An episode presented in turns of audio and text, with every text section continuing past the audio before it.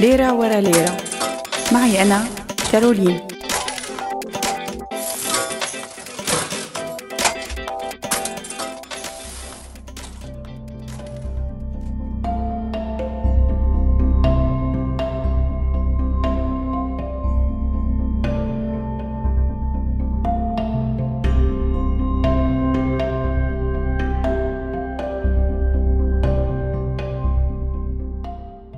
بدي ادفع ضرايبي هي جملة ما كنا نسمعها كتير من زمان لما كنا عايشين بسوريا.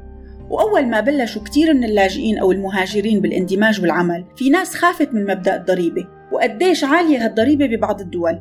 وفي أشخاص كانوا على العكس عندهم رغبة بدفع الضرائب.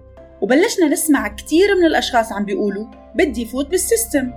ويلي بيعني إنه بده يكون جزء من منظومة الضرائب. أكيد أحد أسباب دفع الضرائب وإيجاد شغل هو من ضرورات الحصول على الجنسية رغم أنه ببعض الدول هذا الشيء ما مكتوب أو ظاهر بشكل مباشر.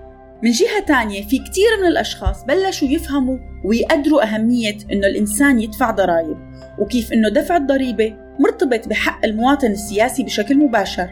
وهذا الشيء بذكرنا بالمصطلح الأمريكي الشهير يلي بيقول I am a taxpayer. يعني أنا دافع ضرائب. وقديش غياب هذا المفهوم بكتير من دول العالم الثالث بشكل مباشر لأسباب سياسية بخلي العلاقة مع السلطة السياسية مختلفة تماما عن ما هو بكتير من دول الغرب. طبعا أنظمة الضرائب كتير مختلفة بين بلد وبلد وفي أنواع كتيرة من الضرائب وأسماء مختلفة للضرائب وحتى الاسم بشع تبع الضريبة وبيأثر تاريخيا على الحياة السياسية. فمثلا بفرنسا بعد الثورة الفرنسية تم تغيير كلمة الضرائب ليزامبو وحاولوا استخدام كلمة contribution يلي بتعني مساهمة أو مشاركة. بس الموضوع ما خلى الموضوع أسهل فضل المواطن بده يدفع شيء آخر شيء مشان هيك رجعوا الناس يسموها باسمها الحقيقي ليزامبو يعني ضرائب. وضل استخدام كلمة contribution محصور بالأدبيات الاقتصادية تبع الجمهورية. والتغيير الوحيد إنه ضل دافع الضرائب اسمه بالفرنسي contribuable. على كل حال فرنسا تحديدا علاقة السياسة مع الضرائب علاقة كتير قوية بس رح أحكي عنها بآخر الفقرة.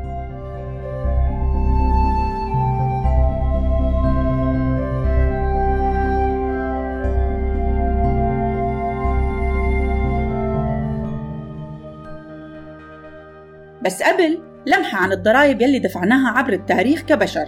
المصريين كانوا من أوائل مين استخدم محصلي الضرائب ويلي كان اسمهم الكتبة. كانت ضريبة غريبة تنفرض على زيت الطبخ وهي الضريبة بتجبر المجتمعات على استخدام نوع معين من الزيت بدل غيره لأنه بيجيب للدولة إيرادات ضريبية أكثر من غيره من الزيوت. بالإضافة لهذا الشيء كان في ضريبة على الدخل للمواطنين وكان الهدف المباشر منها مثل كثير من الضرائب هي المساعدة بتمويل الحروب. بالإضافة لضريبة الثروة يلي كانت أكبر من غيرها وكان يتم تغريم المصريين حسب قيمة الشيء اللي بيملكوه. إذا كملنا بالتاريخ ورحنا على اليونان بنشوف إنه اليونانيين دفعوا الضرائب من زمان وبشكل دوري. يمكن لهذا السبب المصريين واليونانيين داق خلقهم من كتر دفع الضرائب. على كل حال كمان جزء من هي الضرائب اليونانية كان لتمويل الحروب وما كان في إعفاءات لأي مواطن من دفع بعض الضرائب عند اليونانيين خلال الحرب. بس شيء إنه بتخلص الحرب بتلغى الضريبة بشكل أوتوماتيكي. في بعض الحالات بتلغى الضريبة يلي كان اسمها إسفورا لأنه قدرت المؤسسة تحقق الميزانية الحربية المطلوبة. وكان في كمان بعض الضرائب الغريبة مثل ضريبة الأجانب الشهرية. فإذا ما كان على الأقل واحد من الأهل من أثينا فلازم تندفع ضريبة للعيش بأثينا كانت دراخمة واحدة للرجال ونصف دراخمة للنسوان والدراخمة هي العملة اليونانية القديمة.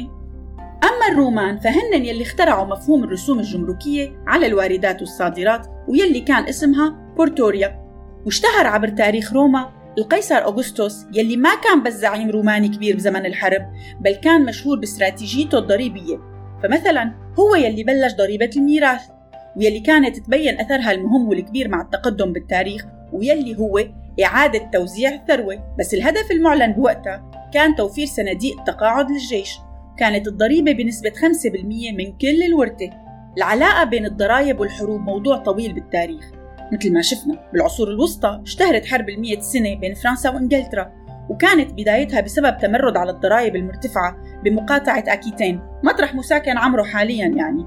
بالإضافة لهي الضريبة في ضريبة حرب تانية صارت بال 1800 ويلي كانت أول ضريبة على الدخل والسبب وراء هي الضريبة الوضع السياسي الصعب مع نابليون. ورح تلتغى هي الضريبة بعدين بسنة 1816 بعد سنة واحدة من هزيمة نابليون بمعركة ووترلو الشهيرة. إنجلترا أضافت كتير لتاريخ الضرائب فما كانت الضرائب التصاعدية هي الاختراع الوحيد للمملكة بل كانت إنجلترا من أوائل الدول يلي ابتكرت ضريبة الأرض وضرائب غير مباشرة على السلع الأساسية والحبوب واللحوم. كل هاي الضرائب إجت لتمويل حرب أوليفر كرومويل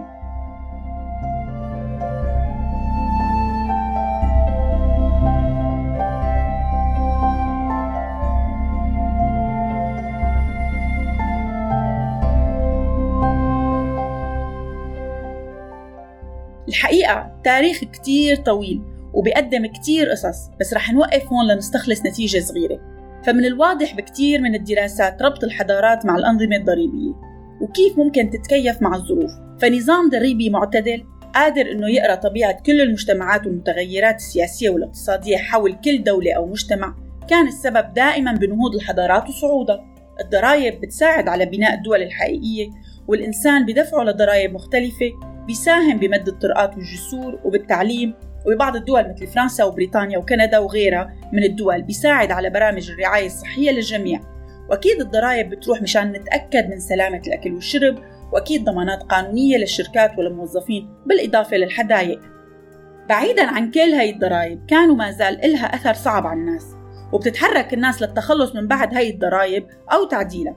فبالرجعة لفرنسا حسب عدة مقالات منشورة قالت منظمة التعاون الاقتصادي والتنمية أن فرنسا تخطت الدنمارك وسجلت أعلى إيرادات ضريبية بين البلدان المتقدمة بسنة 2017 وبسنة 2018 كان في تعديلات ضريبية تانية كانت الأشياء يلي قسمت ظهر البعير مشان هيك بجوز يرجع ماكرون ليغير اسم الضرائب مثل ما عملوا الفرنسيين بعد الثورة الفرنسية بس يا ترى رح يمشي هذا الشيء؟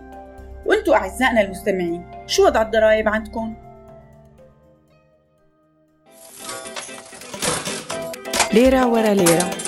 معي أنا كارولين.